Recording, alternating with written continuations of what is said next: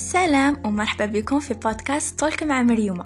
الموضوع تاعنا تاع اليوم هو تعلق بالشخصيات يعني شخصية الأفلام والمسلسلات.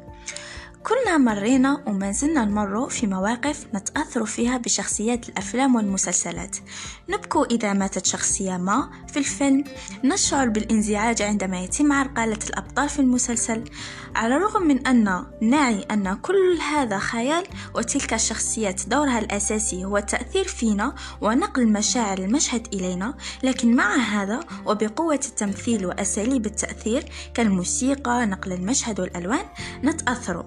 لكن على أنه تأثر سطحي وهو كذلك نوعا ما لكن الإنسان كل يوم يكون في مزاج ما أو يمر في تجربة ما. فمرات يعلق الإنسان الشخصية الخيالية وصفاتها على أنها يجب أن تتوفر في الواقع ويبني أفكاره وما يريده في شخص يكون معه في الواقع يجب أن يكون حامل لتلك الصفات التي استنتجها وأحبها في الشخصية الخيالية أو بالأحرى تلفزيونية لكنه سيتعرض لنوع من خيبة الأمل لأنه ما يعرض في التلفاز من أفلام ومسلسلات لا علاقة لها بالواقع حتى لو بجزء صغير الجزء الآخر دائما يكون مثالي.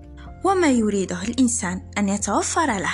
حتى مرات من ناحية الشكل فنحن في عصر يمكن تعديل كل الأخطاء وإرجاعها مثالية لدرجة غير معقولة كاملة مكملة.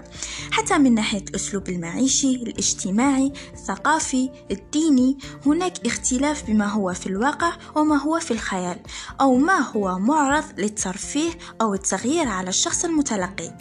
لذلك يجب أن نكون على وعي تام بأن كل تلك الشخصيات هدفها التأثير فيك وإقناعك بما ليس موجود في عالمك للتغيير عنك فقط. لذلك لا تبني أفكارك ومبادئك واختياراتك مهما كانت على أشياء مبرمجة لتؤثر فيك. انظر إلى واقعك وحقيقتك وابني ما تشاء من أفكار حتى لو تافهة المهم حقيقية. وشكرا نتلاقوا في البودكاست الجاي.